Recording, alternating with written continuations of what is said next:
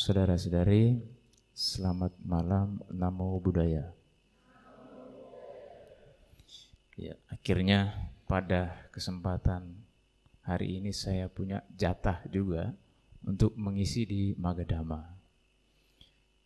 Jadi hampir beberapa bulan ini untuk menyesuaikan jadwal saya ini sedikit sulit gitu ya. Kemarin hampir tidak jadi karena jadwalnya tubrukan. Nah, tapi rupa-rupanya jodoh saya dengan umat Buddha ini tidak habis-habis ya, umat Buddha di sini maksudnya di Magadama. Nah, Bapak Ibu Saudara-saudari, malam hari ini saya akan menguraikan. Jadi tema ini sangat luas ya, Bapak Ibu Saudara-saudari. Tema malam hari ini sangat luas. Berbicara tentang agama Buddha dan masalah-masalah yang terjadi di dalam hidup ini. Tentunya tidak semua saya ulas. Nah, nanti kan ada sesi tanya jawab. Semoga nanti tanya jawab Bapak Ibu bisa memunculkan masalah baru ya, yang bisa kita bagi pada malam hari ini. Jadi Bapak Ibu tidak hanya mendengar saya bicara, kemudian diam dan pulang, tetapi Bapak Ibu juga punya kesempatan untuk berpikir, oh tidak hanya itu Bante, pengalaman saya ada masalah begini, solusinya bagaimana? Nah, itulah dikatakan dhamma kelas, bukan dhamma desana. Ya. Dam, bukan dhamma sakwanang, tapi dhamma sakaca. Nah, itu bedanya, yaitu kalau dhamma sakaca ada interaksi timbal balik antara yang membabarkan materi dengan yang mendengar. Nah Bapak Ibu Saudara-saudari, supaya terarah apa yang dibahas pada malam hari ini, maka izinkan saya untuk Oh iya, terima kasih. Saya dari tadi juga rasa dingin kaki. Makanya saya lipat-lipat Ya. Kalau ke Magadama memang selalu dingin. Ya, untuk terarah, maka izinkan saya untuk menguraikan hal-hal penting yang patut untuk saya uraikan malam hari ini. Nah, Bapak Ibu tidak usah khawatir, walaupun nanti teorinya ya sedikit apa ilmiah, tapi nanti aplikasinya ya sehari-hari sebenarnya. Nah, kita lihat dulu ada dua poin penting yaitu yang pertama agama Buddha dan yang kedua masalah. Nah, pertanyaannya apa itu agama Buddha? Pernah tidak kita bertanya? Apa tahu agama Buddha itu? Apa pengertian agama Buddha? Atau kita hanya ikut-ikut saja ya agama Buddha? Nah, pada kesempatan ini saya mengajak Bapak Ibu untuk melihat kembali pemahaman kita tentang agama Buddha. Menurut deskripsi penjabaran dari para cendikiawan, agama Buddha itu adalah sebuah agama non teistik. Nah, ini istilahnya sedikit apa ya? Sedikit canggih gitu ya. Atau filsafat yang berasal dari anak benua India yang meliputi beragam tradisi. Bapak, Ibu, Saudara-saudari, banyak umat Buddha yang hanya melihat agama itu hanya kumpulan khotbah Sang Buddha semata. Dia tidak mengkaitkan dengan tradisi yang menyertainya. Nah, jadi kalau berbicara tentang agama Buddha, di sana ada tradisi. Apa contoh tradisinya? tradisi kewihara, namaskara, anjali. Nah, itu tradisi-tradisi kita. Ya. Kemudian mendoakan semua makhluk berbahagia. Nah, itu tradisi juga. Salam menamo budaya. Nah, itu tradisi sebenarnya. Banyak orang kalau berpikir tradisi, kalau dibilang tradisi, oh itu berarti berhubungan dengan tradisi-tradisi Chinese gitu ya Oh bapak saya nggak agama Buddha, dia tradisi. Nah, tradisi yang mana dulu ini? Nah, karena di dalam agama Buddha sendiri punya tradisi. Nah selain tradisi apalagi di dalam agama itu sendiri ada yang disebut dengan kepercayaan, keyakinan. Ya, kita memiliki keyakinan pada siapa? Tiratana. Guru agung kita Buddha Gotama sudah mencapai pencerahan. Bapak Ibu yakin? Yakin. Bapak Ibu sudah mencapai pencerahan? Belum. Tidak semua hal itu kita buktikan dulu baru kita percaya. Ada bagian-bagian yang harus menjadi keyakinan kita supaya memacu kita di dalam mencapai tujuan itu. Ya. Tidak semua hal itu kita harus buktikan dulu, buktikan dulu. Saya percaya Sang Buddha kalau saya mencapai pencerahan dulu. Nah, berarti kan tidak ada keyakinan. Keyakinan awal tidak ada.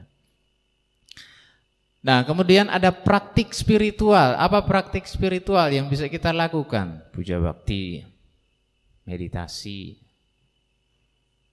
Kemudian apa? Ya ada sila, kemudian apa lagi? Ya, intinya kalau praktik spiritual itu mengembangkan sisi dalamnya kita.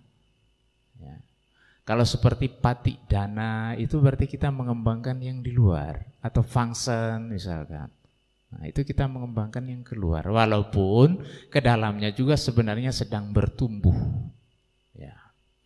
Nah, kemudian yang sebagian besar berdasarkan pada ajaran yang dikaitkan dengan Siddhartha Gautama yang secara umum dikenal sebagai Sang Buddha. Buddha berarti yang telah sadar. Buddha bukan nama orang, Buddha adalah gelar yang disematkan kepada seseorang yang sudah mencapai pencerahan. Artinya apa? Kita semua bisa menjadi Buddha. Bapak, Ibu, Saudara-saudari, ini adalah keterangan singkat atau penjelasan singkat tentang agama Buddha. Ya. Singkat. Tapi saya pikir Bapak Ibu bisa berpikir, oh iya agama Buddha. Oh ternyata pemahaman saya selama itu betul. Eh selama ini betul. Oh pemahaman saya selama ini masih kurang. Nah, sampai di sini Bapak Ibu bisa muncul pertanyaan. Nah kalau ada pertanyaan disimpan dulu atau ditulis dulu. Ya.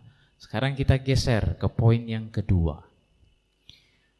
Poin yang kedua berbicara tentang masalah. Apa sebenarnya masalah? Banyak orang yang anti masalah. Anti masalah atau apa? Maksudnya bagaimana? Kalau dia punya masalah, dia berusaha berbagai macam caranya untuk kabur dari masalah itu. Padahal masalah itu sebenarnya adalah cara. Kalau mau, dikatakan ada sesuatu di alam semesta ini, maka adalah cara alam semesta untuk mendidik kita. Yang menjadi persoalan yaitu masalah yang muncul yang kita buat-buat sendiri. Misalkan pikirannya lagi tenang, cari-cari masalah supaya rame. Ya. Sudah enak-enak nih, hubungannya sudah harmonis, muncul dia buat masalah. Supaya apa? Ribut. Senang kalau lihat orang lain ribut dia. Nah ini loh yang menjadi perhatian kita. Atau misalkan di wihara, wiharanya begitu-begitu saja, tidak ada perkembangan. Itu juga sebenarnya masalah. Nah kalau saya lihat Magadama ini cepat berkembangnya dari dia berdiri sampai sekarang. Aktivitasnya, loyalitas pengurusnya, pokoknya semua seperti punya semangat yang sama untuk kemajuan dhamma di sini. Dan ada selalu ada umat-umat baru yang muncul. Ya. Nah, seiring dengan perjalanan ini selalu ada masalah Bapak Ibu. Tidak ada orang yang terbebas dari masalah. Bahkan Sang Buddha sendiri pun masih punya masalah. Kenapa? Karena beliau masih punya pancakanda. Ya. Kalau di dalam cerita itu Bapak Ibu lihat bagaimana beliau dilempar batu oleh Dewa Data percikan batu itu mengenai kakinya. Kakinya itu sampai berdarah, lukanya parah. Terus beliau juga ada sakit di punggung. Bahkan waktu meninggalnya meninggal karena keracunan makanan. Nah, padahal beliau sudah sempurna. Kenapa? Karena masih punya pancakanda. Jadi Bapak Ibu Saudara-saudari, selama kita masih punya pancakanda ini atau lima unsur kehidupan, maka selama itu kita selalu berhadapan dengan masalah. Nah, persoalannya bagaimana kita mengolah masalah itu untuk pertumbuhan batin kita. Makanya orang mengatakan kita ini adalah pelajar yang tidak pernah atau pelajar yang belum lulus-lulus. Sekolahnya di mana? Kehidupan ini. Pelajarannya apa? Masalah yang kita hadapi tiap hari. Nah, makanya kita ini pelajar yang masih sekolah semua. Kelasnya, kelasnya itu kita tidak tahu. Ada yang umur 50 tahun tapi masih kelas 1 SD. Secara spiritual ya. Ada yang umur 20 tahun tapi dia sudah sarjana. Nah, fisik kita berkembang, batin kita ini juga sebenarnya sering berkembang. Orang yang semakin lari dari masalah, maka dia pasti kelas 1 saja begitu. Kenapa? Setiap kali ujian dia kabur. Setiap kali pelajaran dia bolos. Nah, jadi tidak naik-naik kelas. Temannya sudah mungkin kelas 6, dia masih di kelas 1. Nah, itulah cara mengukur kita. Saya ini sudah kelas berapa ya secara batin? Masalah yang sama terjadi, cara kita men me menghadapinya pun sama. Nah ini berarti ada yang kurang ini dengan cara saya. Kalau tidak melarikan diri, aduh saya capek ini kabur dari persoalan yang dihadapi. Nah, Bapak Ibu Saudara-saudari, malam hari ini saya mengajak Bapak Ibu Saudara-saudari untuk melihat terkait permasalahan yang muncul terkait dengan kita beragama. Ya, ketika kita menjadi umat Buddha ini kan saya pikir Bapak Ibu Saudara-saudari juga sedikit peka begitu ya. Sering kita dianggap sebagai minoritas. Ya Ya, kadang apa namanya tekanan, himpitan itu terasa sekali ya. Baik secara sosial maupun secara individu. Ya. Saya secara pribadi dulu sebelum menjadi umat Buddha kemudian jadi biku tidak merasa ada semacam tekanan begitu ya. Tapi begitu saya jadi umat Buddha kok kok ada rasa himpitannya kuat ya. ya. Belum lagi tekanan karena orang yang tidak tahu bahwa ajaran Buddha itu apa. Kita dianggap menyembah berhala, patung kamu sembah-sembah gitu. Belum lagi sudah pakai jubah begini, jalan itu dipanggil gundul-gundul pacul itu loh. Iya. Kalau tidak tiba-tiba di depan Amitabha, Amitabha, nah, dikira aja biksu tong kali ya. Ya. Bapak Ibu Saudara-saudari, permasalahan-permasalahan yang demikian muncul di dalam kehidupan sehari-hari. Maka kita sebagai umat Buddha patut untuk mengolah batin kita. Nah, jadi kalau menurut pengalaman saya, saya merasa bahwa ketika menjadi umat Buddha itu merasa lebih dewasa. Benar Bapak Ibu, merasa lebih dewasa. Jadi pengalaman saya dulu waktu kuliah, itu ada teman yang sinis begitu ya, tentang agama Buddha. Karena saya biasanya bawa buku riwayat hidup Buddha Gotama. Itu ada di tas. Karena saya kuliahnya Fakultas Sastra Inggris, nah bacaannya cerita-cerita begitu. Menurut teman-teman saya itu buku dongeng. Dongeng kan berarti tidak nyata toh. Tapi bagi saya itu adalah keyakinan saya. Oh, kalau dulu sebelum saya kenal Dhamma ada yang otak-atik keyakinan saya, saya marah, jengkel. Tapi apa yang terjadi waktu itu? Saya baca buku itu, teman saya mendekat. Dilihat, buku agama Buddha. Iya. Memangnya umatnya masih ada ya? Ya masih ada lah ini umatnya.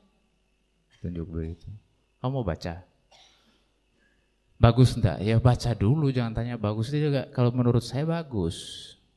Ambil baca, dipegang. Bolehlah saya pinjam, tapi saya kasih tahu ya, hati-hati, keyakinanmu bisa goyang loh baca buku itu. Saya sudah diobrak-abrik loh sama buku ini. Alah ini dongeng kok. Sudah baca. Baca tiga hari dia banting buku itu di depan saya. Dia bilang bagaimana caranya jadi umat Buddha. Kena dia. Jadi Bapak Ibu Saudara-saudari ketika ada orang yang mencaci maki kita, memfitnah kita, ini saya kasih rumusannya. Dan memang apa yang Sang Buddha katakan itu betul. Kamu tidak usah marah. Kamu doakan saja. Dan saya biasanya begitu dan ternyata apa yang terjadi setiap orang yang mencela ketika saya beragama Buddha, saya berkeyakinan Buddha, bahkan sinis, apa yang terjadi? Satu bulan, dua bulan tiba-tiba dia datang. saya mau jadi umat Buddha. Nah, tuh. Dan ternyata bukan cuma saya, baru-baru ini terjadi. Ada teman saya dari Kupang. Ya asli orang sana. Dia datang ketemu saya, dia cerita. Ketika dia menjadi umat Buddha, dia ditekan, dihimpit. Karena itu dikatakan jalannya tidak sesuai. Dia dari umat yang garis keras itu, dia jadi agama umat Buddha juga tidak dipaksa karena memang jalan hidup. Saya sendiri pun menganggap bahwa bukan agama Buddha ini paling benar, tetapi ini yang cocok buat saya. Ketika saya berbicara dengan komunitas lintas agama. Nah teman ini cerita, dia bilang Bante, saya kok sering diejek sama teman-teman saya ketika saya beragama Buddha. Katanya kuno itu sudah nggak laku lagi zaman sekarang. Saya bilang ke kau, saya tanya dia, ketika teman-temanmu ngomong begitu kamu marah? Tidak Bante, saya justru kasihan dengan mereka. Nah ini berarti betul sudah beragama Buddha. Kalau kamu masih marah berarti kamu harus koreksi batin kamu. Bukan yang di luar itu yang kamu koreksi, ini loh. Masih marah ketika orang memfitnah kamu karena kamu beragama Buddha. Berarti yang salah diri kamu bukan orang itu.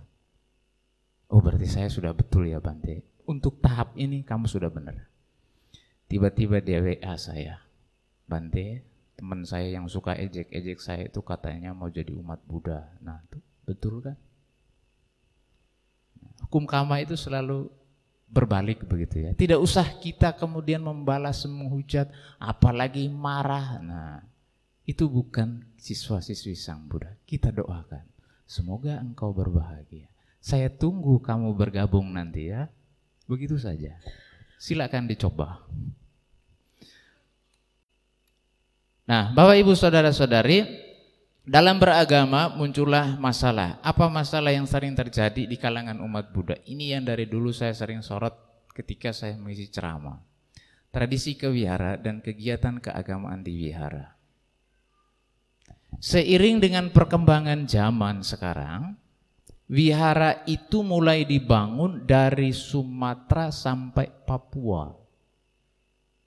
Dari Aceh loh Bapak itu Jangan pikir Aceh tidak ada wihara. Ada wihara di sana.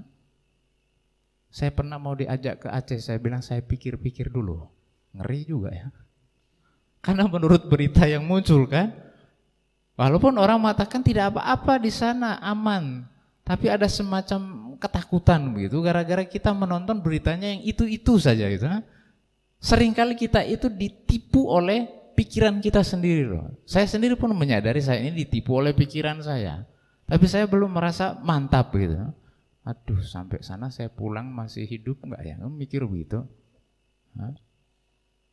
Nah, Bapak Ibu Saudara-saudari, ketika perkembangan ajaran Buddha yang terjadi di bumi Nusantara ini secara fisik sering kali kita lupa sumber daya manusianya justru tidak berkembang. Ya tidak berkembang. Contoh kasusnya begini loh, sederhana. Ketika saya mengisi Damatok di Sulawesi. Nah, Sulawesi, saya kemudian selesai acara, ada seorang perempuan datang mau ketemu saya. Masih muda perempuannya. Nah, datang dia bilang Bante, saya mau ketemu Bante.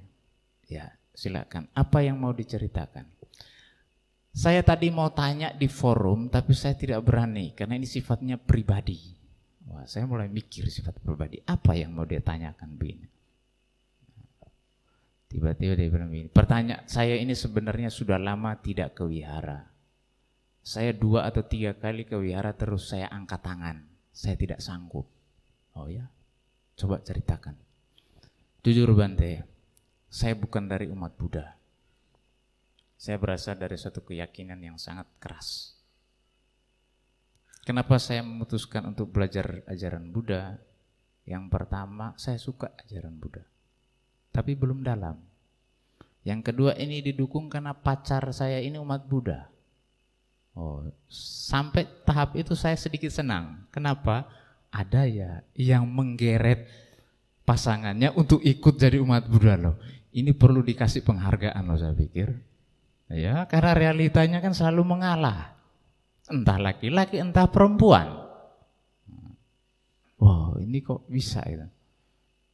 Teruskan saya pengen teruskan. Cuma persoalannya sekarang Bante, kenapa saya sudah tidak mau lagi ke wihara dan baru kali ini saya ke wihara. Kali ini saya ke wihara itu karena saya dengar Bante isi di wihara ini. Wah, saya pun berencana saya mau ke wihara hanya untuk ketemu Bante Atapio. Apa pertanyaan saya Bante? Pertanyaan saya sederhana Bante. Kok Bante betah ya jadi umat Buddha? Bahkan sampai jadi biku pula. Wah ini kok pertanyaannya simple, tapi kok cukup menusuk ini saya pikir ya. Nah.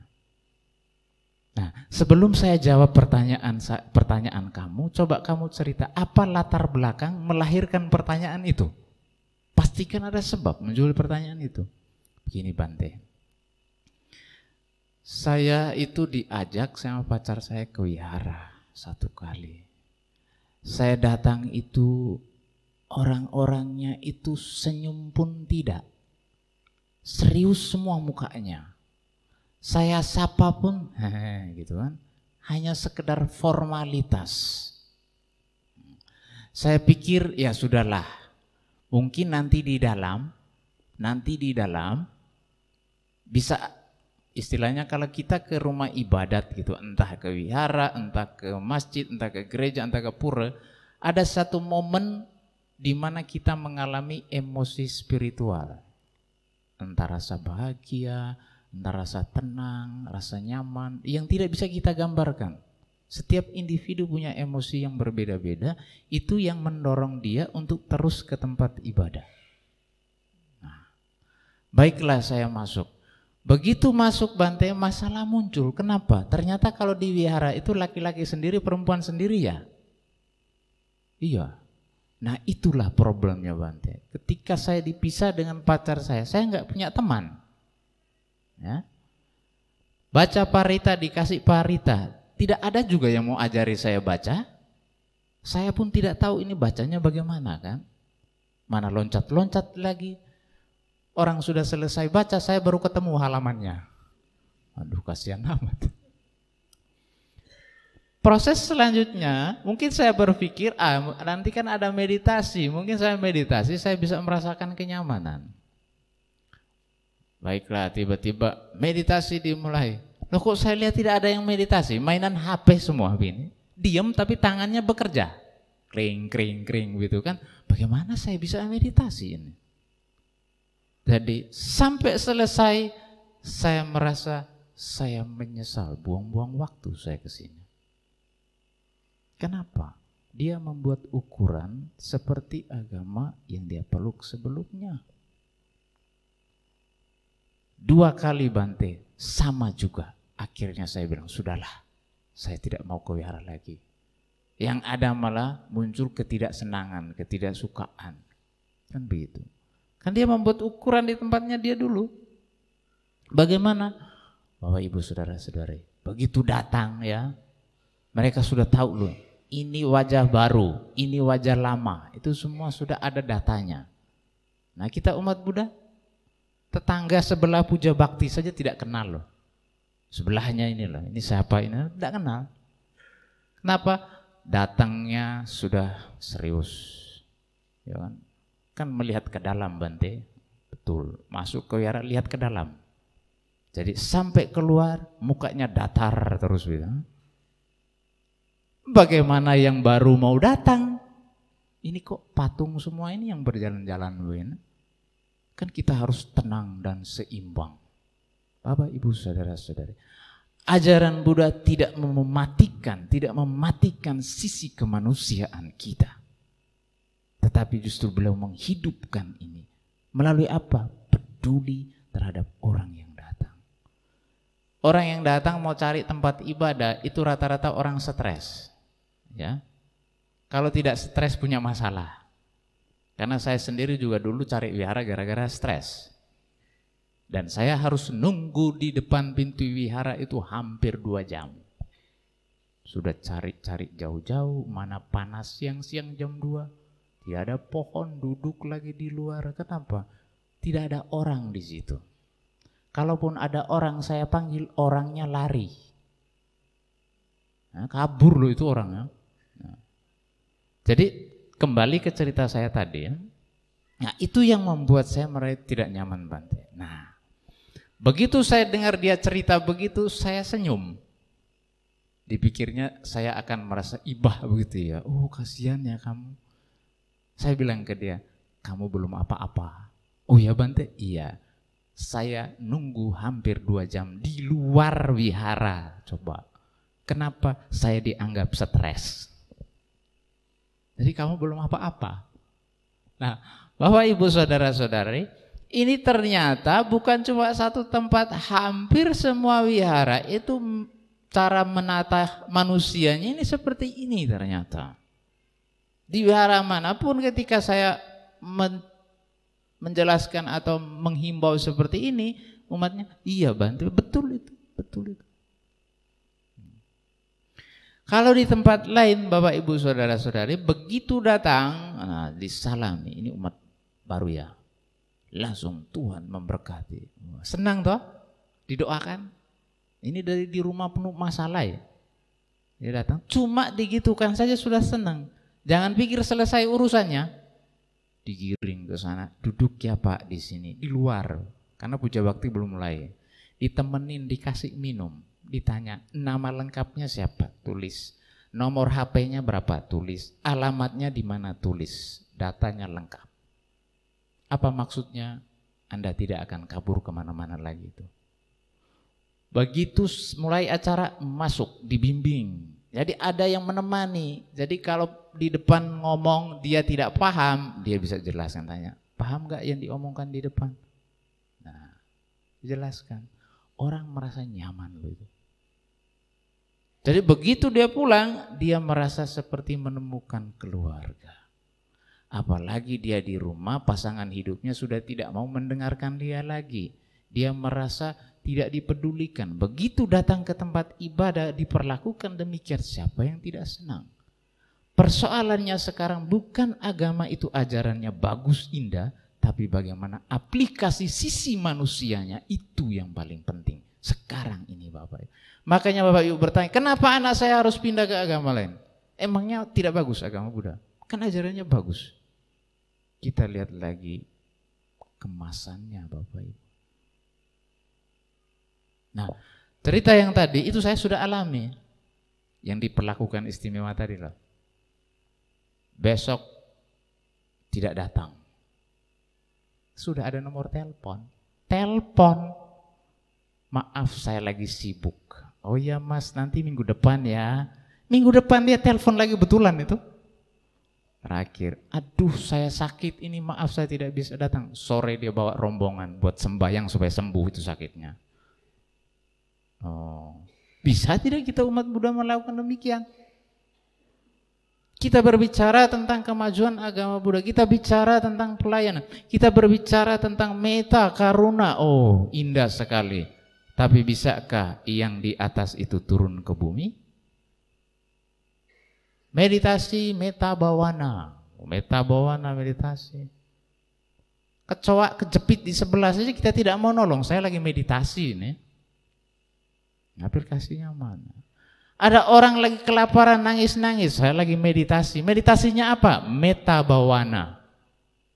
Itu orang di depan lagi nangis-nangis minta makan loh itu. Nah, ini Bapak Ibu Saudara-saudari. Terkadang kita hanya bergerak di konsep-konsep konsep indah di sini. Tapi pertanyaannya, sudahkah kita mengaplikasikan Aplikasinya tidak harus tinggi-tinggi, tidak harus besar-besar. Wihara ini sebagai center, sebagai tempat kita untuk aplikasi dhamma. Mulai dari melayani. Bagaimana melayani? Oh saya ini umat Magadama dan labelnya sudah umat lama. Berarti apa? Saya tahu kalau yang datang ini umat baru. Tidak usah dikasih tahu pengurus. Saya sendiri langsung tergerak. Oh ini umat baru. Baru datang ya mas Oh iya, mari-mari sini. Diajak duduk diobrol, dia deket senang. Begitu masuk, nah aja. Ajarin baca parita, jelaskan tentang parita. Tanpa perlu dia tanya. Jelaskan semua. Orang akan merasa nyaman. Sederhana. Nah, Bapak Ibu Saudara-saudari, selain itu dengan kita menjadikan wihara ini sebagai pusat kita belajar agama, juga kemudian sebagai pusat kita untuk mempraktekkan dhamma dan di wihara juga sekaligus sebagai pusat untuk regenerasi ajaran Buddha. Ya. Ya anak-anak dibawa ke wihara dari kecil dia sudah kenal. Walaupun dia belum paham ajarannya itu apa. Tapi ketika di wihara dia merasa nyaman, nah itu berarti sudah pas. Anak-anak kecil begitu suruh duduk meditasi berjam-jam. Ya stres anaknya, usianya dia harus lari-lari suruh duduk diam. Diam, diam. Bagaimana bisa suruh dia diam? Dia itu memang usianya dia harus lari-lari. Jadi kemasan damanya pun kemasan sesuai dengan usianya dia. Yang suka lari-lari, yang suka loncat-loncat, yang suka nyanyi-nyanyi. Tidak bisa paksa dia harus duduk diam. Hmm, nanti kalau dia lebih besar baru dimasukin pelan-pelan. Meditasi. Nah, tapi tidak bisa yang paut itu suruh meditasi. Orang omong di depan saja dia bisa lari-lari sendiri kok suruh duduk diam. Saya kalau disuruh ceramah sekolah minggu itu paling 10 menit, kalau tidak 15 menit. Karena itu di sana sudah loncat-loncat ini, alas duduk ini sudah melayang ke mana-mana. Jadi bagaimana kita bisa omong dengan santai? Nah, ini artinya apa? Ini dunianya beda ini, jangan disamakan. Nah, Bapak Ibu Saudara-saudari, kemajuan suatu wihara itu juga ditentukan apakah di wihara itu ada sekolah minggunya atau tidak. Ada kegiatan kepemudaannya atau tidak? Atau hanya cuma puja bakti orang tua? Kalau sekolah minggunya sudah tidak ada, kegiatan kepemudaannya pun sudah tidak ada, maka itu tinggal tunggu waktu. Jadi wiharanya jadi tempat museum gitu kan. Tempat tinggalnya sarang laba-laba itu nanti. Nah, kalau marga dhamma sendiri kan sudah ada itu dan terlihat mulai mulai berkembang, mulai jalan. Karena saya sendiri pun sering diundang, sering tahu tentang kegiatan-kegiatan. Saya sering melihat antusias umat-umat di sini. Ini sedang menuju ke pengembangan itu sendiri. Nah, Bapak Ibu saudara-saudari, ini poin pertama yang menjadi perenungan kita bersama. Tidak hanya tugas Bapak Ibu saudara-saudari, ya tugas saya juga. Artinya tugas saya tidak mungkin sama dengan tugasnya Bapak Ibu. Ya. Kita punya peran masing-masing. Di dalam hidup ini kita punya lakon masing-masing. Kalau diibaratkan hidup ini adalah panggung, panggung drama, maka kita punya karakter masing-masing, penokohan masing-masing. Nah, setiap ini punya tugas masing-masing untuk menghasilkan sebuah pentasan yang indah. Nah, kalau tugas saya apa ya? Tugas saya bicara begini Bapak Ibu. Motivasi, menggerakkan umat. Ya, saling berbagi pengalaman. Nah, Bapak Ibu punya tugas apa? Ya itu tadi salah satunya kalau umat baru datang senyum tugasnya. Ya, senyum saja tugasnya, itu sudah senang loh itu. Hmm. Bante saya tidak bisa ngomong, saya tidak pintar ngomong, ya coba senyum saja. Nanti kan senang orangnya. Aduh Bante saya susah senyum, nah ini repot lagi. Tolong ke dokter, mungkin ada sarapnya yang konslet. Jadi tidak bisa senyum. Ya. Karena kita punya modal itu gitu loh. Senyum. Nah, mengambil peran di dalam posisi kita masing-masing. Ini tidak tidak susah, tidak mengeluarkan biaya besar kok Bapak Ibu. Dan setiap kali ada kegiatan keagamaan di wihara kita berusaha untuk terlibat. Ini kontribusinya juga besar untuk pengembangan agama Buddha, untuk pengembangan batin kita Bapak Ibu. Kenapa? Karena manusia ini tempatnya salah dan lupa. Kenapa dibilang salah dan lupa? Begitu sibuknya dia di luar, kadang dia lupa dengan nilai-nilai spiritual, nilai-nilai agama itu loh.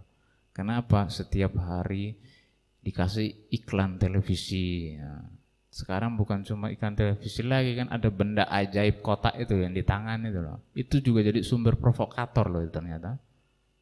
Kalau sebelum benda itu ada, HP, gadget dan lain segalanya itu kan disuruh jaga mulut kan, supaya tidak menyakiti yang lain, supaya tidak memprovokator yang lain.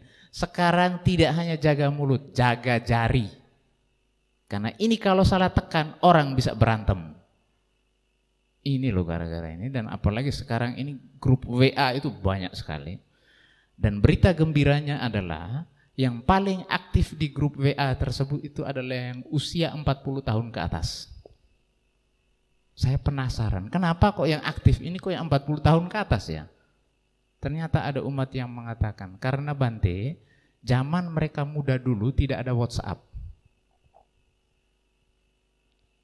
Apa maksudnya itu? Jadi kalau ada berita apa pun tinggal apa? Bagi-bagi gitu ya, forward, forward, forward. Kadang yang di forward itu dia tidak baca. Lah kok ini ada bahasa Ibrani, ada bahasa Arab segala yang masuk di sini. Apa dia paham ini? Nah itu. Banyak sekali saya itu dimasukkan ke grup-grup, akhirnya saya izin satu persatu. Saya bilang maaf, saya harus keluar. Karena itu sangat apa ya? Sangat mengganggu gitu ya kring kring kring. Akhirnya khusus grup itu saya matikan itu suaranya. Ya, jadi begitu buka HP itu kadang bisa 100 pesan. Kenapa? Ya grup tadi itu. Kalau tidak grup, yang individu yang rajin sekali tiap hari kirim gitu ya, broadcast. Ini orang rajin sekali kirim ke saya ini ya. Sampai sekarang pun saya tidak kenal itu siapa saya mau blok tapi kok tidak enak begitu, biarkan saja. Dan itu kadang beritanya aneh-aneh loh Bapak Ibu. Kadang pembunuhan dia kirim videonya, untuk apa ini sebenarnya? Nah, Bapak Ibu Saudara-saudari, dengan semakin kompleksnya kehidupan ini, maka kita dituntut untuk melihat kembali tentang praktik dan pemahaman agama kita, itu penting. Agama Buddha itu adalah bagian dari kehidupan kita. Jangan memisahkan ini urusan agama, ini urusan duniawi. Tidak bisa Bapak Ibu. Sebenarnya di dalam urusan duniawi itu Bapak Ibu masukkan nilai-nilai spiritual. Ya. Sehingga apa? Supaya kita terkendali keserakahannya, kebenciannya terkendali. Nah, syukur-syukur bisa kita kikis sampai titik paling minimal. Nah, Bapak Ibu Saudara-saudari, poin yang kedua pola pikir dalam memandang kehidupan. Nah, ini penting. Di tengah kehidupan kita yang serba cepat, yang serba apa ya? Serba mudah, kita kemudian mudah sekali memiliki pola pikir cara cepat juga ternyata. Ya. Makanya banyak sekali tindakan penipuan, ya tidak hanya tindakan penipuan, banyak sekali orang bunuh diri loh Bapak Ibu Saudara sekarang. Jangan pikir bukan yang yang yang apa, yang orang tua, anak-anak pun bisa loh itu memutuskan untuk menghabisi hidupnya.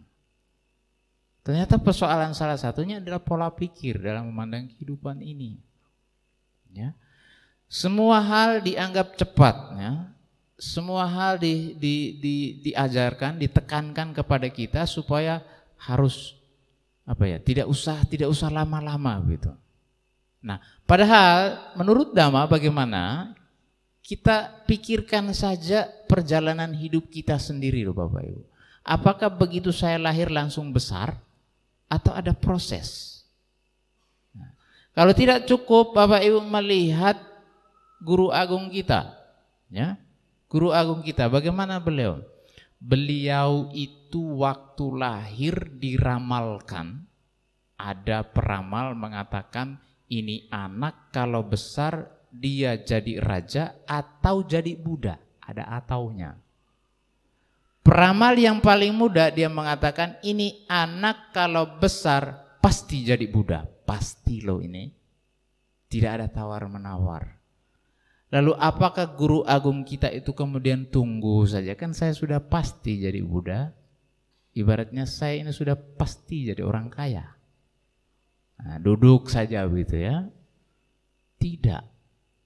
Beliau itu berjuang meninggalkan anak dan istrinya, kemudian harus bermeditasi di hutan.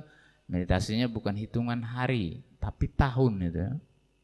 Sampai kurus kering ya, lebih kurus dari saya yang jelas. Saya masih ada daging kulitnya. Itu kalau Bapak Ibu lihat Pertapa Gotama itu tulangnya saja itu sama urat. Ngenes gitu ya, kalau orang Jawa bilang ngenes itu. Dia anak pangeran loh ini, orang besar. Kok bisa seperti itu? padahal di awal sudah diramalkan jadi Buddha. Nah, apalagi kita ini yang ketika lahir dibawa ke peramal, peramal bilang gelap. Atau kalau tidak suram. Oh, ini berarti berjuangnya harus lebih kencang. Guru Agung saja sudah dikatakan begitu beliau harus berjuang enam tahun. Apalagi saya. Peramalnya cuma bilang gelap saja ini, wah ini repot urusannya. Nah, berarti ini tidak duduk manis, harus berjuang. Tidak ada yang menunggu investasi satu, satu juta, bulan depan 10 juta. Nah itu kena tipu semua itu jadinya nanti. Berawal dari mana? Ya mental enak tadi, mikir instan, cepat. Bapak Ibu Saudara-saudari, pola pikir yang demikian ini justru menggerogoti hidup kita. Ya. Kita menjadi orang yang apa? Orang yang terseok-seok ya. Tidak tahan terhadap apa? tantangan hidup, tidak tahan terhadap permasalahan hidup. Dan orang-orang yang demikian biasanya suka mengeluh ya suka mengeluh. Istilahnya kalau dilihat auranya itu auranya suram. Nah, kenapa? Bawaannya mengeluh terus. Tapi kalau orang yang bersyukur walaupun tempat rumahnya sederhana tetapi dia cerah terang. Kenapa? Ya karena dia selalu berbahagia. Dia tidak melihat segala sesuatu itu instan datangnya tapi melalui proses tidak persoalan hasilnya bagaimana, yang penting prosesnya saya sudah letakkan ini. Ini untuk hasilnya itu urusannya alam semesta ini. Yang penting saya sudah meletakkan cara-caranya. Nah, Bapak Ibu Saudara-saudari, yang ketiga adalah intoleransi hidup beragama. Ini yang paling panas ya akhir-akhir ini ya. Paling hangat. Tidak cuma hangat tuh, panas sekali itu rasanya. Bahkan saya sendiri pun sering kali diundang untuk berbicara di forum lintas agama untuk membahas tentang toleransi ini Indonesia sekarang mengalami krisis yang demikian. Bapak Ibu Saudara. Kalau kita umat Buddha, saya pikir saya tidak tahu kalau secara pribadi ya. Itu cuma kasus persoalan Rohingya ini. Tapi sepertinya sekarang sudah tenggelam. Nah, baru-baru ini Wihara Mendut itu juga dijadikan tempat orang untuk demo itu dari dari Jogja sana. Ya. Karena kasus Rohingya itu. Nah, waktu itu saya diminta bicara di forum lintas agama di Jogja. Nah, ini yang datang adalah muda-mudi, muda-mudi lintas agama. Nah, yang lain tanya tentang ajaran Buddha. Ada satu orang ini dia tanya tentang kasus ini. Rupa-rupanya ini masih dimunculkan. Nah, Bapak Ibu Saudara-saudari, ketika dia bertanya begitu, saya mengatakan begini. Ajaran Buddha tidak pernah mengajarkan kekerasan. Karena ajaran Buddha itu ajaran nir kekerasan. Ya. Tidak keras, dia selalu mengajarkan cinta kasih. Lalu ketika ada orang yang mempraktekkan demikian, membunuhlah, berlaku tidak wajarlah, itu adalah bentuknya oknum dan tidak ada kaitannya dengan agama Buddha. Walaupun dia berjubah. Sama seperti agamanya saudara. Ketika dia pakai atribut agama, kemudian dia melakukan tindakan anarkis, apakah pantas dikatakan agamamu itu agama yang suka dengan kekerasan? Pastikan tidak. Itu menunjukkan bahwa setiap manusia itu memang punya bibit-bibit ya kebencian, keserakahan tadi itu. Apalagi kalau kebencian, keserakahan itu sudah terstruktur. Bagaimana terstrukturnya Bapak Ibu? Saya benci dengan si A, saya ajak orang lain juga ikut benci si A. Bukan cuma saya ajak teman-teman saya, anak saya nanti saya didik untuk benci si A juga. Nah, ini kebencian sudah terstruktur dan turun temurun. Ini yang terjadi Bapak Ibu, saudara-saudari. Makanya kadang kita ketemu, kalau saya sendiri sih belum pernah ketemu orang di bandara atau di pelabuhan, kemudian dicecar pertanyaan. Bahkan marah itu orangnya.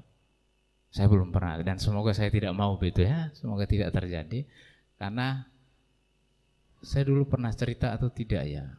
Waktu saya naik pesawat, ada orang yang semangat sekali untuk menjelaskan bagusnya agama dia dengan tujuan supaya saya ikut agamanya. Padahal saya sudah biku loh itu. Saya pikir ini orang, ini saya sudah biku ini. Kok masih mau maunya gitu kan? Waktu itu sempat rame Bapak Ibu di dalam pesawat. Sampai orang di belakang itu ngintip-ngintip karena yang menjelaskan ke saya itu semangat 45. Teriak dia sampai, waduh dua orang pula. Saya kecil begini, diborong lagi, dikeroyok ini. Tapi saat itu Bapak Ibu Saudara-saudari, saya tidak merasa apa ya, merasa itu satu persoalan serius. Inilah ketika orang mulai apa namanya belajar dhamma begitu kan saya sering ditanya apakah ada ada dampaknya. Ketika kamu sebelum kenal dhamma, kenal dhamma kemudian praktek dhamma, ada. Saya melihat semua persoalan itu menjadi ringan. Termasuk tadi itu. Dia minta pendapat saya untuk menjelaskan agama Buddha. Saya belum selesai jelaskan, dia potong. Dia bilang, ah tidak itu, itu tidak pas. Nah ini, ini sudah ada ngototnya ini. Saya sudah merasa ini tidak enak ini. Tapi kan dia di sebelah saya, saya mau kabur ke mana? Mau loncat? Nah, mau loncat di pesawat, itu di atas udara. Gitu. Jadi saya duduk diam saja gitu kan, sambil dengerin dia ngomong gitu. Saya tetap menghargai orang ini cerita. Dengarnya saya pun tidak dengar formal apa formalitas, dengar sungguhan saya waktu itu. Nah. Setelah mulai tegang, saya pikir tidak bisa dicairkan ini. Saya keluarkan HP, saya bilang Pak kita selfie dulu. Saya ajak dia selfie. Saya bilang Pak senyum sedikit, senyum selfie. Cair suasananya. Saya akan hubungi Bapak lagi ya. Oh silakan, saya kasih nomor HP saya. Silakan dengan senang hati. Sampai sekarang dia tidak telepon lagi saya, tidak hubungi saya pula. Karena saya sudah siap. Nah. Oh ibu saudara-saudari, Terkait dengan hal-hal demikian, ketika kita menghadapinya itu dengan hati yang tenang, apalagi kalau sudah di awal dengan rasa kasihan. Ketika kita berhadapan dengan orang yang berbeda pandangan dengan kita, kalau munculnya jengkel, marah, tidak suka, itu endingnya pasti berantem. Kalau tidak berantem, di sini menggumpal di dada. Kita mau marah tapi kok tidak enak. Ini di sini loh. Itu menahan itu. Itu kalau ada gelas piring di situ mungkin pecah juga itu. Tetapi ketika kita menghadapi perbedaan itu dengan tenang, apalagi kalau muncul belas kasihan, itu seperti Bapak Ibu lihat anak Bapak Ibu nakal. Ada pemakluman. Kenapa? Dia kan masih kecil. Maka itu enak sekali. Saya praktekkan itu berkali-kali. Termasuk ketika saya pulang ke kampung halaman, saya pakai jubah, orang semua melotot. Gitu. Keluarga saya semua itu marah. Nah saya jadi biku alasannya. Beda secara leluhur. Saat itu Bapak Ibu Saudara-saudara tidak ada sedikit pun kebencian yang saya rasakan. Justru muncul kasihan. Kenapa mereka begitu marah jengkel? Karena mereka tidak tahu yang sebenarnya Bapak Ibu. Sebenarnya ini praktek hidup sehari-hari tidak hanya urusan beragama, urusan dengan beda pendapat. Itu kalau kita handle dengan baik. Kenapa dia kok tidak paham? Kenapa dia tidak mengerti? Karena memang dia belum bisa membuka diri. Ya udah kita cari cara. Nah orang yang sudah belajar dhamma itu yang pertama kreativitasnya tinggi daya berpikir ini loh, cari cari solusinya itu banyak. Dia lebih tenang. Jadi kalau Bapak Ibu belum sampai pada keadaan ini, berarti belajar lebih giat lagi nih, urusan damai ya. Saya sendiri merasa begitu. Jadi begitu kita belajar damai ini, cara mencari akalnya itu apa ya? Tidak pernah habis. Selalu ada solusi. Contoh saya waktu itu solusi ketika saya belajar ajaran Buddha, orang tua saya menentang. Di rumah itu jadi suasananya panas. Kenapa? Berantem terus. Berantem ide, omongan. Setiap kali saya menjelaskan kepada orang tua saya, orang tua saya tidak terima. Kenapa? Sudah ada mental block. Apakah saya putus asa? Kalau saya putus asa mungkin hari ini saya tidak jadi biku. Bagaimana caranya? Oh kalau saya yang menjelaskan ini tidak bisa. Kenapa? Saya tahu saya ini anak, ini orang tua. Orang tua di mana pun dia akan mengatakan kamu itu anak. Ide kamu sebagus apa pun, nanti dulu. Nah, bagaimana caranya waktu itu? Saya pikir-pikir. Wah, saya pertemukan dengan guru saya. Ya, seorang biksu nih waktu itu. Saya bilang ke ibu saya, Bu, kasih waktu bertemu dengan guru saya. Nanti kalau ibu merasa penjelasan dari guru saya ini tidak pas, saya siap untuk meninggalkan semua atribut ajaran Buddha. Tidak apa-apa, saya berkorban. Mau mereka datang ke wihara loh itu, baru pertama kali itu mereka datang. Sampai ke sana, saya disuruh keluar ruangan. Nah, mereka di dalam bicara tentang itu, tentang ajaran Buddha. Suhu mengatakan, kamu di luar. Dua jam lagi saya itu mondar mandir di luar dengan berpikir ini nasib saya ini ada di dalam ruangan. Karena sudah ada kesepakatan loh sebelum ke situ. Wah ini gimana? Tiba-tiba pintu dibuka, ibu saya itu senyum ceria, bahagia. Wah Berarti alamat saya cerah ini ke depan. Ternyata ajaran Buddha bagus ya, penuh cinta kasih. Saya bilang dari dulu juga saya sudah omong begitu. Ibu tidak mengerti. Kenapa permasalahannya Bapak Ibu? Terkadang orang itu bukan melihat isinya dari omongan, tapi siapa dulu yang bicara. Ya. Kenapa kok saya bicara dia tidak paham? Cari orang lain yang bicara. Karena pasti ada mental block di sana. Ada ketidaksenangan dengan yang bicara. Nah, itu berkaca Bapak Ibu Saudara. Ini untuk melerai perbedaan di antara kita. Kenapa kok saya bicara dia tidak bisa ya? Cari orang lain. Orang yang mungkin dia hormati. Nah, itu cepat sekali masuknya nanti. Dia simak betulan setiap kata-kata. Kenapa? Sudah ada batin yang terbuka istilahnya hatinya itu sudah terbuka karena ini orang yang dia hormati.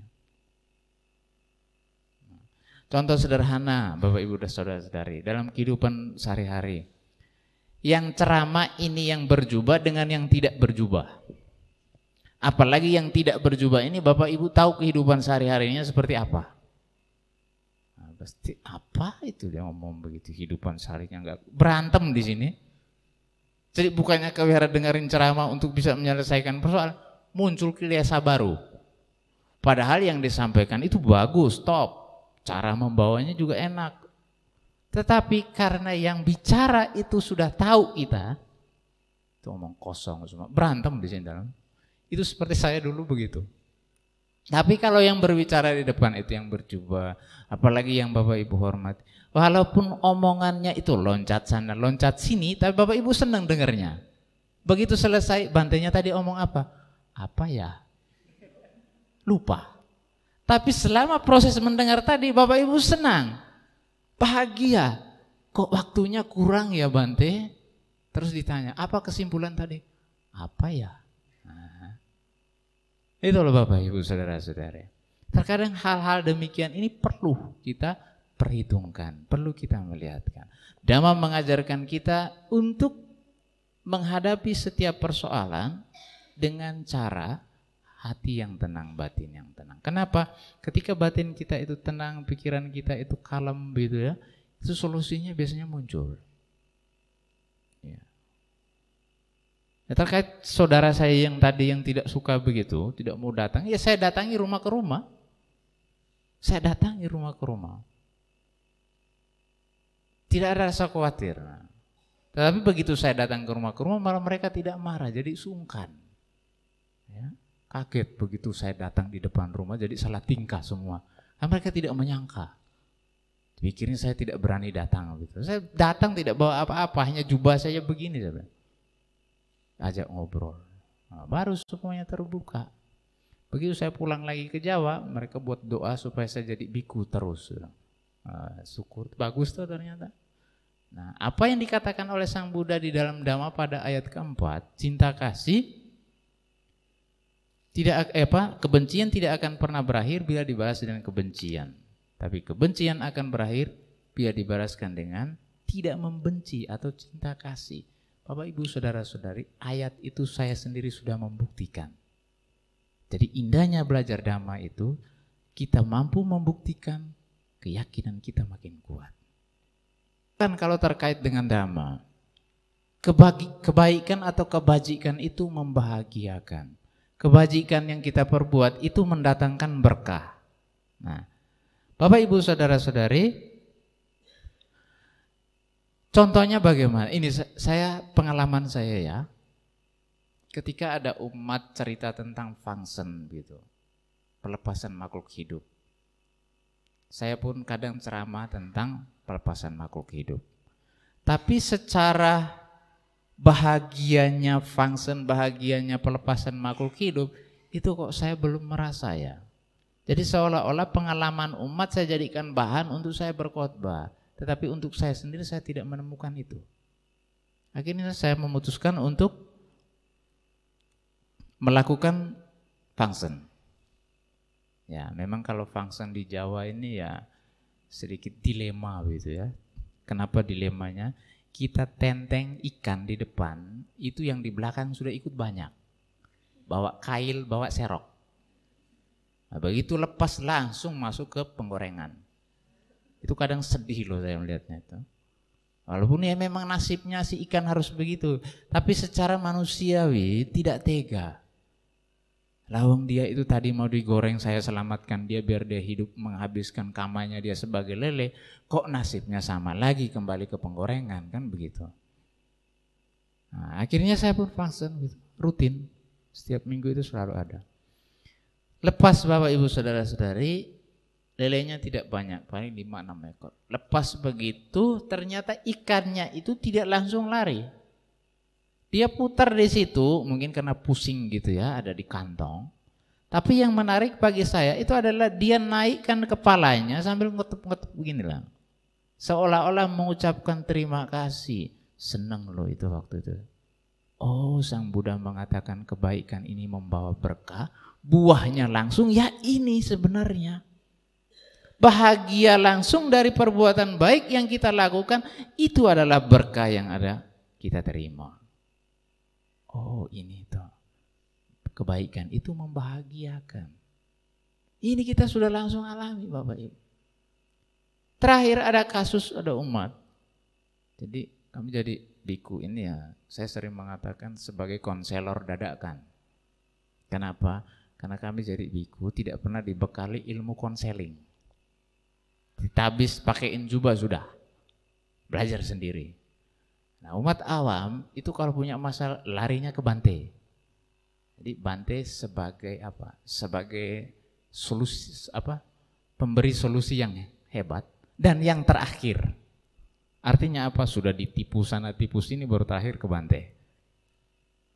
Itu sudah sering terjadi.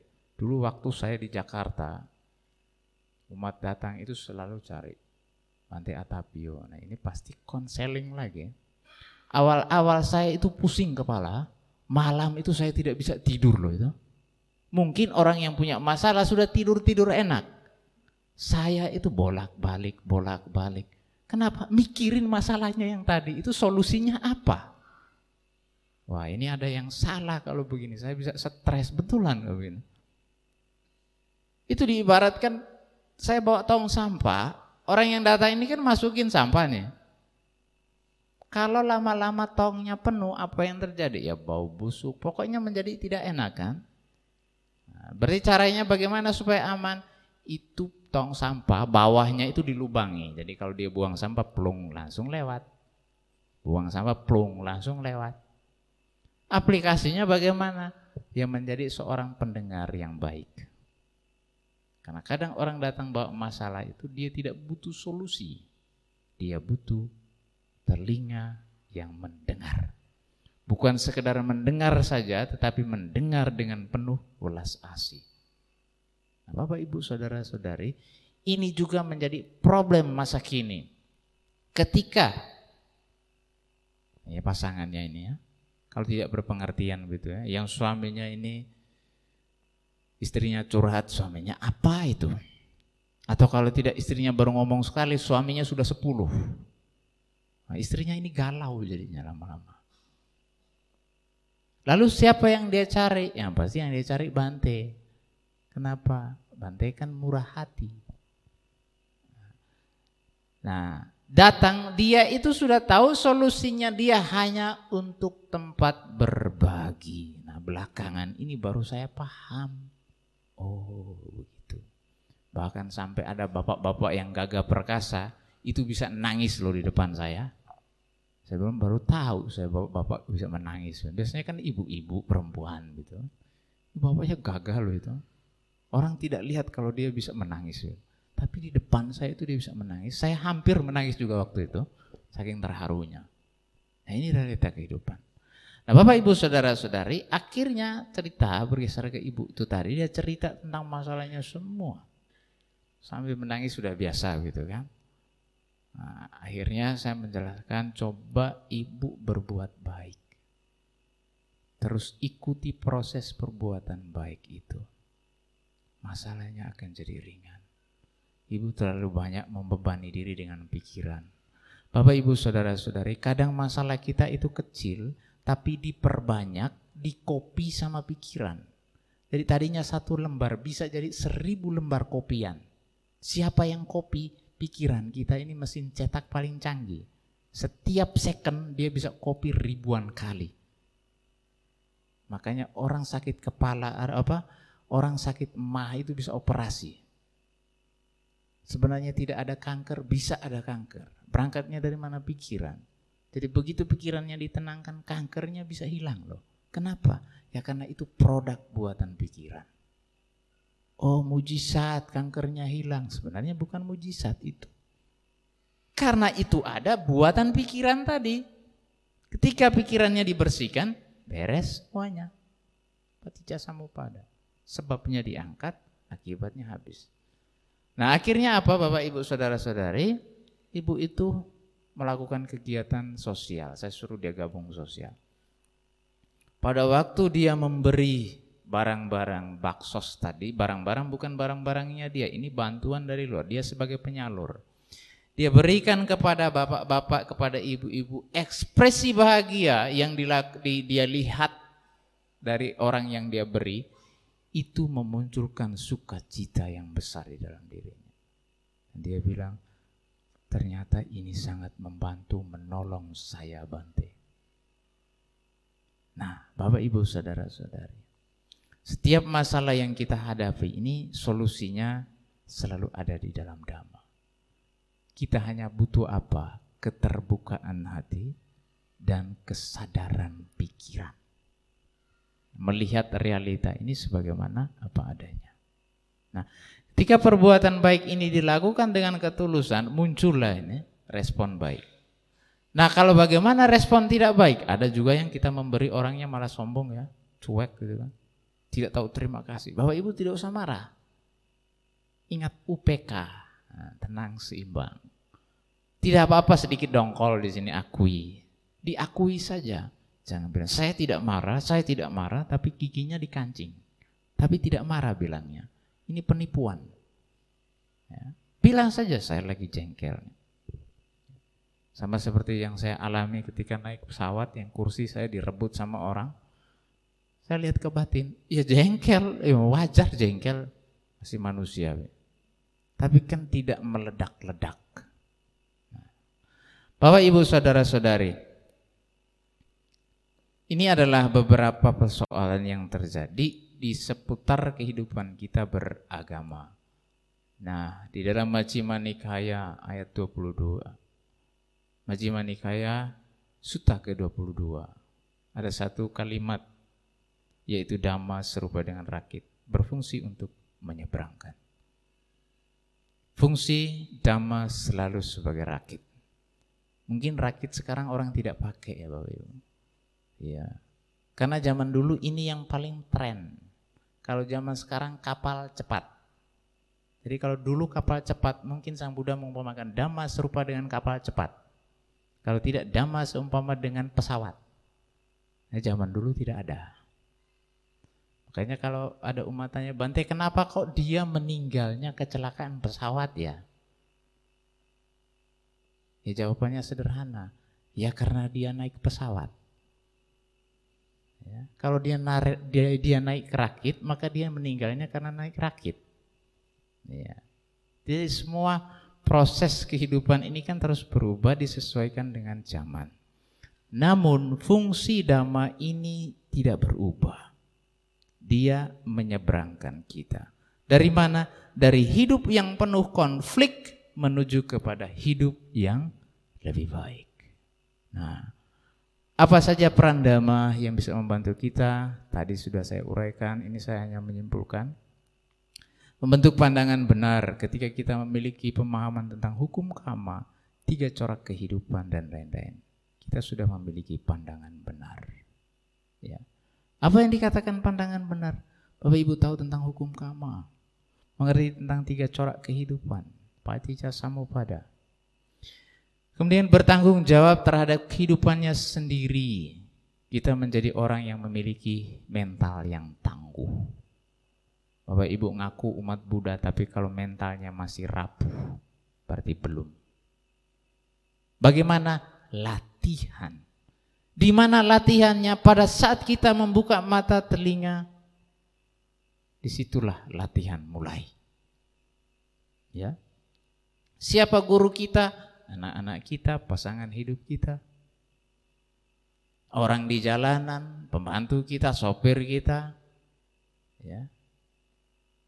Pengendara yang tidak tahu diri, nah itu guru kita semua itu. Jangan orang nyalip, kita ikut marah juga. Kemudian menjadi pribadi yang toleran, Bapak Ibu Saudara-saudari. Ingat Agama Buddha selalu menekankan toleransi beragama. Rukun. Mulai dari zaman Sang Buddha, sedikit saya bercerita tentang Upali Sutta. Ini sudah bersinggungan dengan Upali Sutta. Ceritanya begini Bapak Ibu Saudara-saudari. Upali ini adalah seorang murid dari Niganta Nataputa atau Mahavira. Ini guru yang tidak kalah populer dengan Sang Buddha waktu itu, zaman itu. Ada enam guru hebat.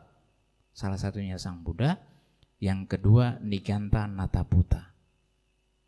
Jadi kalau Bapak Ibu ke India dan lihat patungnya, kok mirip Sang Buddha ya? Tapi kalau tidak berpakaian, nah itu Niganta Nataputa alias telanjang. Niganta Nataputa itu adalah pertapa telanjang. Tapi secara fisik digambarkan persis seperti Sang Buddha. Bedanya berjubah dengan tidak berjubah. Apakah ajaran ini masih ada? Masih banyak di India sana. Silakan Bapak Ibu ke sana dan lihat.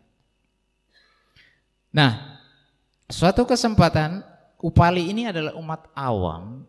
Dia seorang saudagar yang tidak hanya kaya tapi cerdas. Dia umat utama yang menyokong Nigantana Taputa dan pertapa-pertapa Niganta lainnya. Nah, beliau mendengar, Upali ini mendengar bahwa Sang Buddha sedang berkunjung ke tempatnya. Di dekat situ gitu ya.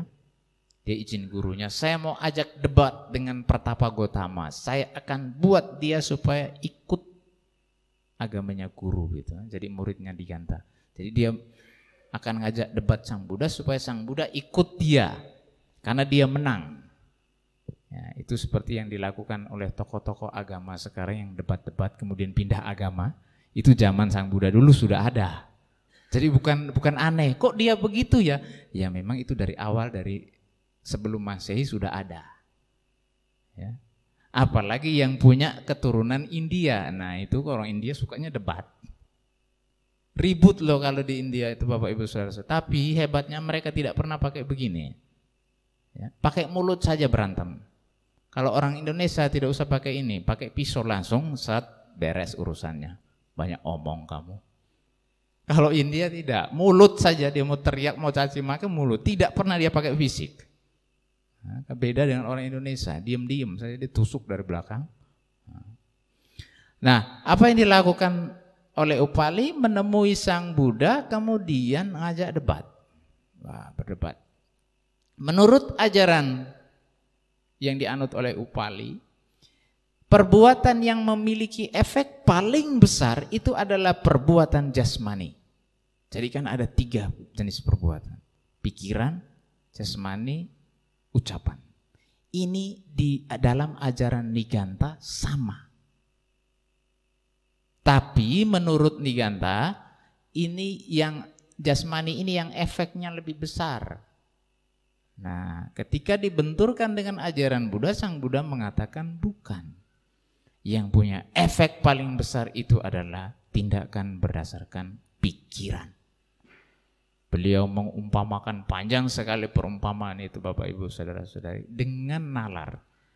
Dan pada akhirnya Upali sadar, oh iya ya betul ini. Pertapa Gotama benar. Apa yang dilakukan selanjutnya? Dia memohon kepada Sang Buddha untuk menerima jadi muridnya. Bapak Ibu Saudara-saudari, apakah Sang Buddha kemudian dengan serta merta mengumumkan ini upah hebat gitu kan? Ya, dibuat kesaksian di mana-mana? Tidak. Sang Buddha justru bertanya, Upali, sudahkah kamu pikirkan baik-baik ketika kamu menjadi muridku? Apa kata orang-orang nanti? Reputasimu bisa menurun dong. Wah, Upali makin makin apa ya? Makin makin kuat ini keyakinannya. Dia bilang kok ini guru pertapa pertapa Gotama kok omongnya begini ya.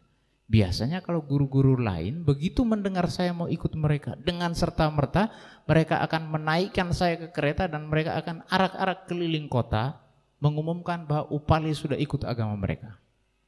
Tapi kok ini tidak ya? Upali sampai tiga kali mengatakan, saya mau menjadi murid Sang Buddha. Saya mau di Tisarana. Akhirnya Sang Buddha mengatakan, iya, kamu bisa menjadi muridku tapi dengan satu syarat. Apa syaratnya? Kamu jangan pernah berhenti untuk menyokong gurumu yang lama. Jadi Niganta Nataputa kamu harus siapkan kebutuhannya dia.